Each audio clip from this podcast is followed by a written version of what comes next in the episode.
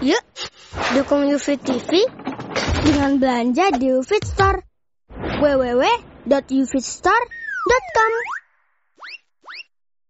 الحمد لله الذي أنزل على عبده الكتاب ولم يجعل له عوجا أحمده سبحانه لم يكن له شريك في الملك ولم يتخذ صاحبة ولا ولدا. وأشهد أن لا إله إلا الله وحده لا شريك له. وأشهد أن سيدنا ونبينا محمدا عبده ورسوله. اللهم صل وسلم على عبدك ورسولك محمد وعلى آله وصحبه. أما بعد. فاتقوا الله عباد الله. واتقوا يوما ترجعون فيه إلى الله.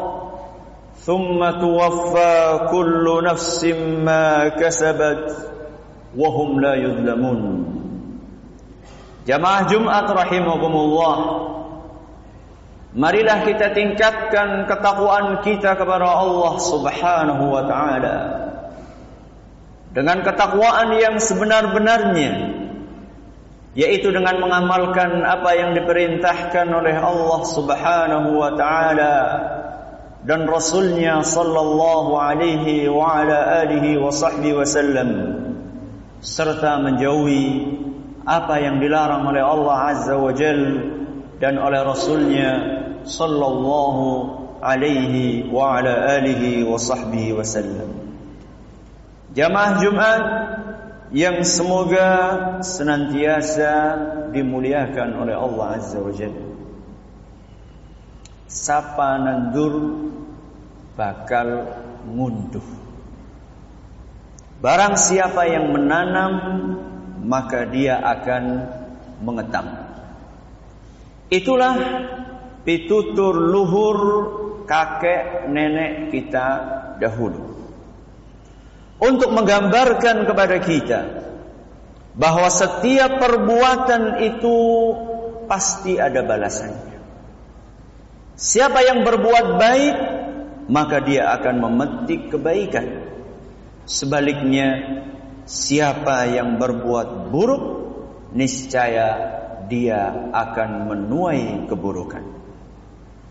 Allah Subhanahu wa taala berfirman, "Wa an laysa lil insani illa ma sa'a, wa anna sa'yahu sawfa yura, thumma yujzahu al jazaa al awfa." Manusia hanya akan memperoleh sesuai dengan apa yang telah diperbuatnya. Dan sesungguhnya perbuatannya itu kelak akan diperlihatkan kepada dia kemudian akan diberi balasan secara sempurna. Al-Quran Surat An-Najm ayat 39 sampai 41. Hadirin dan hadirat rahimakumullah. Balasan untuk perbuatan baik atau perbuatan buruk seorang hamba bukan hanya didapatkannya kelak di akhirat saja akan tetapi sejak di dunia ini sudah akan dirasakan balasannya. Walaupun memang betul bahwa balasan yang sempurna akan diperoleh kelak di hari kiamat kalau tidak di surga ya di neraka. Adapun balasan di dunia untuk pelaku kebajikan mereka akan dibalas oleh Allah Subhanahu wa taala dengan kebajikan pula. Balasan duniawi itu bisa berupa lancarnya rizki, sehatnya tubuh, tenangnya hati, disayang oleh banyak orang dan berbagai buah manis lainnya. Rasulullah sallallahu alaihi wasallam membahasakan berbagai balasan itu dengan sabdanya tilka ajilu bushral mu'min. Hal itu adalah merupakan kabar gembira untuk mukmin yang disegerakan untuknya. Hadis riwayat Muslim. Dan ini merupakan kabar gembira dari Allah Subhanahu wa taala untuk para pelaku kebajikan yang disegerakan di dunia sebagai sinyal positif sebelum kelak akan mendapatkan kabar gembira yang jauh lebih besar di surga Allah Azza wa Jalla. Allah Subhanahu wa taala berfirman, "Yauma taral mu'minina wal mu'minat yas'a nuruhum baina aydihim wa bi aymanihim." Pada hari kiamat nanti, orang-orang yang beriman laki-laki maupun perempuan akan disinari dengan cahaya di depan dan di samping kanannya. Busyrakumul yawma jannat. Dan mereka akan mendapatkan kabar gembira berupa surga surga Allah Subhanahu wa taala.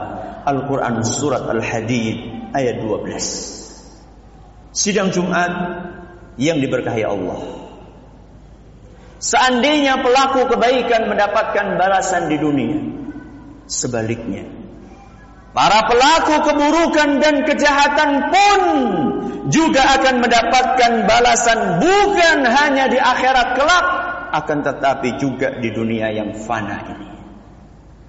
Balasan di dunia bisa berupa seretnya rizki, sempitnya hati, menurunnya kesehatan, dibenci oleh banyak orang dan berbagai dampak buruk lainnya. Allah Subhanahu wa taala berfirman, "Wa man a'rada 'an dzikri fa inna lahu ma'isyatan dhanka wa nahsyuruhu yaumal qiyamati a'ma." Barang siapa yang enggan untuk berzikir kepada Allah, Barang siapa yang lupa dengan aturan-aturan Allah fa inna lahu ma'isyatan dongka maka pasti hidupnya akan sempit. Wa nahsyuruhu yaumal qiyamati a'ma. Dan nanti pada hari kiamat kata Allah kami akan kumpulkan mereka dalam keadaan buta qala rabbi lima hasyartani a'ma? Wa qad kuntu basira. Dia bertanya kepada Allah wahai rabbi kenapa engkau jadikan aku buta? Padahal dahulu aku bisa melihat. Allah Subhanahu wa taala menjawab, "Qala kadzalika atatka ayatuna fanasitaha wa kadzalika al-yawma tunsa." Hal ini adalah gara-gara.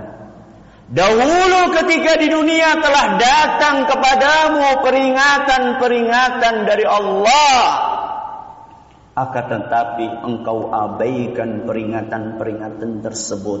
Maka hari ini engkau pun diabaikan oleh Allah Subhanahu wa taala Al-Qur'an surat Taha ayat 124 sampai 126 kaum muslimin dan muslimat yang kami hormati ketika berbicara tentang balasan yang bersifat duniawi ini.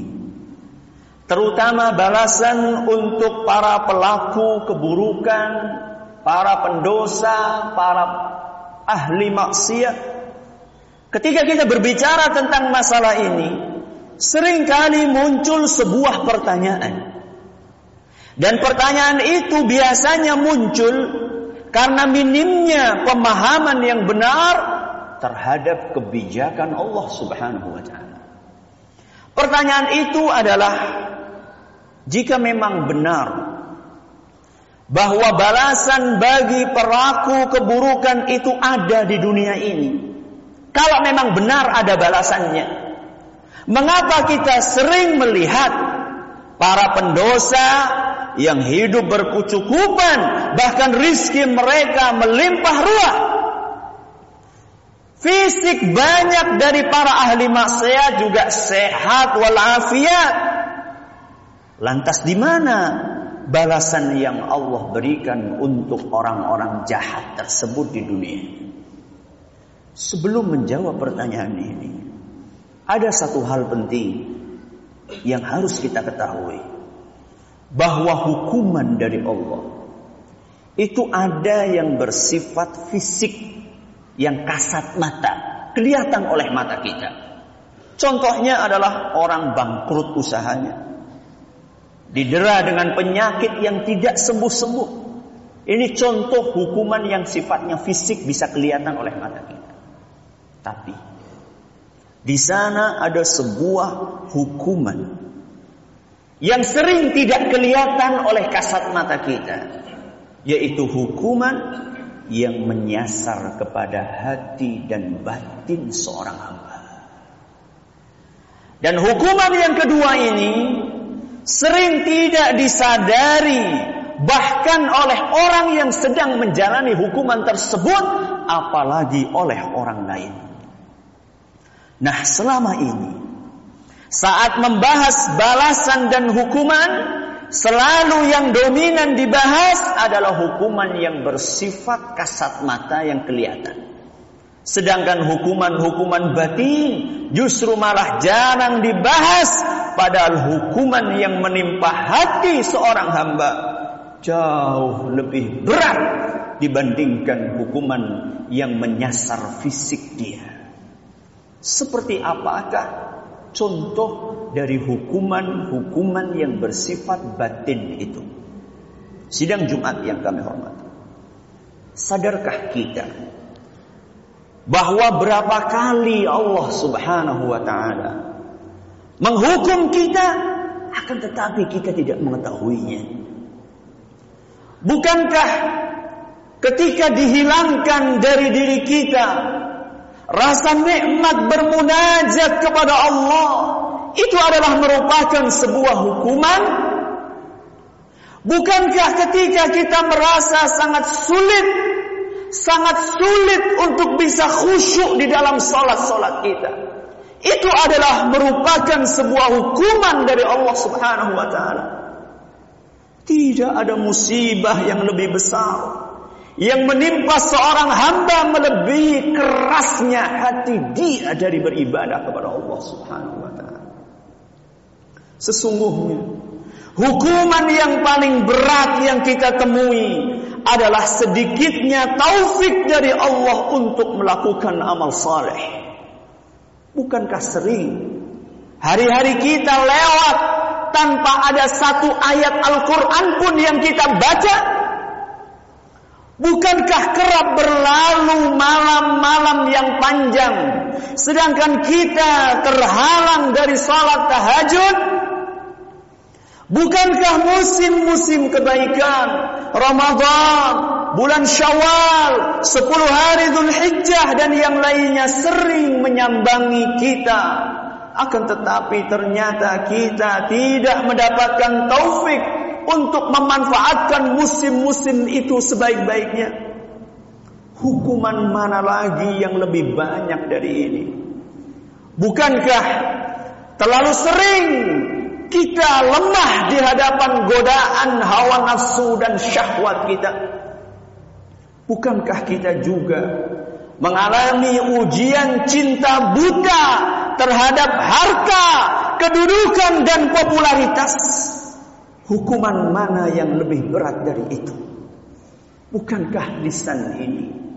Bukankah lisan ini sering sekali terasa ringan untuk menggunjing, untuk adu domba dan untuk berdusta?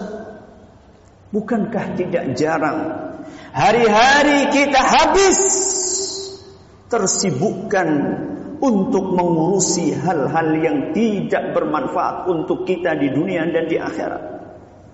Bukankah sering kita melupakan akhirat dan menjadikan dunia ini sebagai tujuan utama kita? Ini tidak lain dan tidak bukan adalah hukuman dari Allah Subhanahu wa taala. Kaum muslimin dan muslimat rahimakumullah. Berhati-hatilah. Berhati-hatilah. Sesungguhnya hukuman Allah yang paling ringan. Hukuman Allah yang paling ringan adalah hukuman yang menimpa harta, anak, dan kesehatan kita. Itulah hukuman yang paling ringan. Sedangkan hukuman yang terberat, hukuman yang terbesar adalah hukuman yang menimpa hati dan batin kita. Mohonlah keselamatan kepada Allah dan mintalah ampunan atas dosa-dosa kita karena sesungguhnya seorang hamba akan terhalang mendapatkan taufik melakukan ibadah kepada Allah karena sebab dosa-dosa yang dia lakukan. Allah Subhanahu wa taala berfirman, "Nasullaha fanasiyahum." Mereka lupa kepada Allah, maka akibatnya Allah pun akan melupakan mereka. Al-Quran Surat At-Taubah ayat 67. Orang-orang itu melupakan Allah karena jarang berzikir, karena jarang beribadah, karena jarang mengingat. Maka Allah pun melupakan mereka dengan tidak mencurahkan rahmatnya kepada mereka. Sehingga mereka tidak mendapatkan taufik untuk beramal saleh dan kelak dia akan terhalang untuk masuk ke dalam surganya Allah سبحانه وتعالى. نفعني نفعني الله وإياكم بالقرآن العظيم وبسنة سيد المرسلين. أقول قولي هذا وأستغفر الله العظيم الجليل لي ولكم ولجميع المسلمين من كل ذنب. فاستغفروه إنه هو الغفور الرحيم. الحمد لله رب العالمين. وأشهد أن لا إله إلا الله الملك الحق المبين. وأشهد أن سيدنا ونبينا محمدا عبد الله ورسوله الذي أكمل به الدين وأرسله رحمة للعالمين صلى الله عليه وعلى آله وصحبه والتابعين ومن تبعهم بإحسان إلى يوم الدين. وسلم تسليما كثيرا أما بعد kaum muslimin dan muslimat yang kami cintai kepekaan jiwa kepekaan jiwa untuk menyadari adanya hukuman Allah yang sedang datang itu kembalinya pertama kali kepada taufik dari Allah Subhanahu wa taala kemudian berikutnya kembali kepada sejauh mana dan seberapa sering kita mengasah kepekaan tersebut di dalam diri kita. Orang yang tidak pernah melatih hatinya untuk peka, maka mata batinnya pasti akan tumpul. Sedang ditimpa hukuman bertubi-tubi, tidak kunjung menyadari. Na'udzubillah dari kerasnya hati dan matinya nurani. Para ulama kita telah mencontohkan bagaimana menajamkan kepekaan batin tersebut. Imam Sufyan Ats-Tsauri rahimahullah, seorang ulama besar Islam, beliau pernah bercerita, "Hurimtu qiyamul laili khamsata ashhurin bidhanbin adnabtuhu Aku kata beliau pernah tidak bisa qiyamul lail lima bulan berturut-turut gara-gara satu dosa yang pernah aku lakukan. Kata beliau, aku pernah lima bulan berturut-turut tidak bisa sholat malam, tidak bisa bangun untuk tahajud, gara-gara satu dosa yang pernah aku lakukan. Qila wa Maka ada orang yang penasaran bertanya kepada Imam Sufyan Ats-Tsauri, "Wahai Imam, dosa apakah yang kamu lakukan?"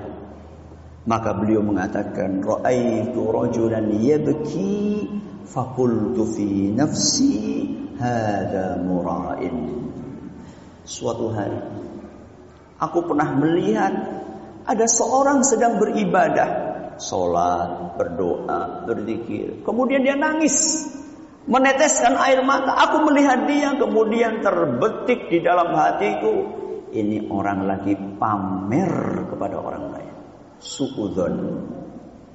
Satu suudon mengakibatkan tidak bisa sholat tahajud lima bulan berturut-turut. Seorang datang kepada imam yang lainnya. Imam Hasan Al-Basri rahimahullah. Orang itu bertanya, Ya Aba Sa'id, Inni abitu mu'afa, Wa uhibbu qiyam al-lail, Wa uiddu tuhuri, Fama bali la akum. Wahai imam, Aku memasuki waktu malam dalam keadaan sehat, segar, bugar. Dan pengen sekali aku bisa bangun malam. Bahkan aku sampai menyiapkan air wudhu yang akan aku gunakan nanti ketika bangun malam. Kenapa aku tidak bisa bangun di malam hari untuk tahajud? Maka Imam Al-Hasan Al-Basri menjawab, "Dzunubuka qayyadatka." Wahai fulan, sadarlah bahwa dosa-dosamu itulah yang membelenggu fisikmu untuk bisa bangun malam. Seorang ulama salaf berkata, "Kam min aklatin mana'at qiyamal lail Betapa banyak dan betapa sering satu suap makanan haram akan mengakibatkan kita tidak bisa sholat tahajud. Wa kam min nazratin haramat qira'at surah. Dan betapa sering satu pandangan haram satu kali memandang sesuatu yang haram akan menghalangi seseorang untuk bisa membaca satu surat Al-Quran.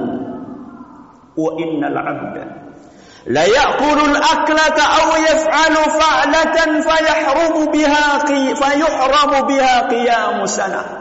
Betapa sering gara-gara satu suap makanan haram atau gara-gara satu dosa seorang hamba tidak bisa bangun malam satu tahun penuh. Fabihusni tafaqqudi ta'riful mazida minan nuqsan semakin sering kalian introspeksi diri maka akan semakin tajam mata hati kita untuk mengetahui kekurangan kita wa dzunub yuqafu 'ala semakin sedikit dosa-dosa yang kita lakukan maka akan semakin mudah bagi kita untuk mengintrospeksi diri sendiri. هذا وصلوا وسلموا رحمكم الله على سيد الأولين والآخرين.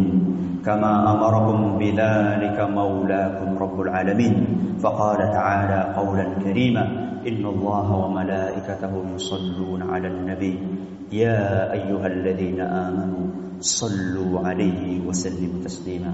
اللهم صل على محمد وعلى آل محمد كما صليت على إبراهيم وعلى آل إبراهيم. إنك حميد مجيد. اللهم بارك على محمد وعلى آل محمد كما باركت على إبراهيم وعلى آل إبراهيم. إنك حميد مجيد. ربنا ظلمنا أنفسنا وإن لم تغفر لنا وترحمنا لنكونن من الخاسرين. ربنا اغفر لنا ولإخواننا الذين سبقونا بالإيمان. ولا تجعل في قلوبنا غلا للذين آمنوا. ربنا إنك رؤوف رحيم. ربنا لا تزغ قلوبنا بعد إذ هديتنا وهب لنا من لدنك رحمة إنك أنت الوهاب. ربنا آتنا في الدنيا حسنة وفي الآخرة حسنة وقنا عذاب النار. وصلى الله على نبينا محمد وعلى آله وصحبه ومن تبعهم بإحسان إلى يوم الدين وآخر دعوانا Alhamdulillahi Rabbil Alamin. Qim salat.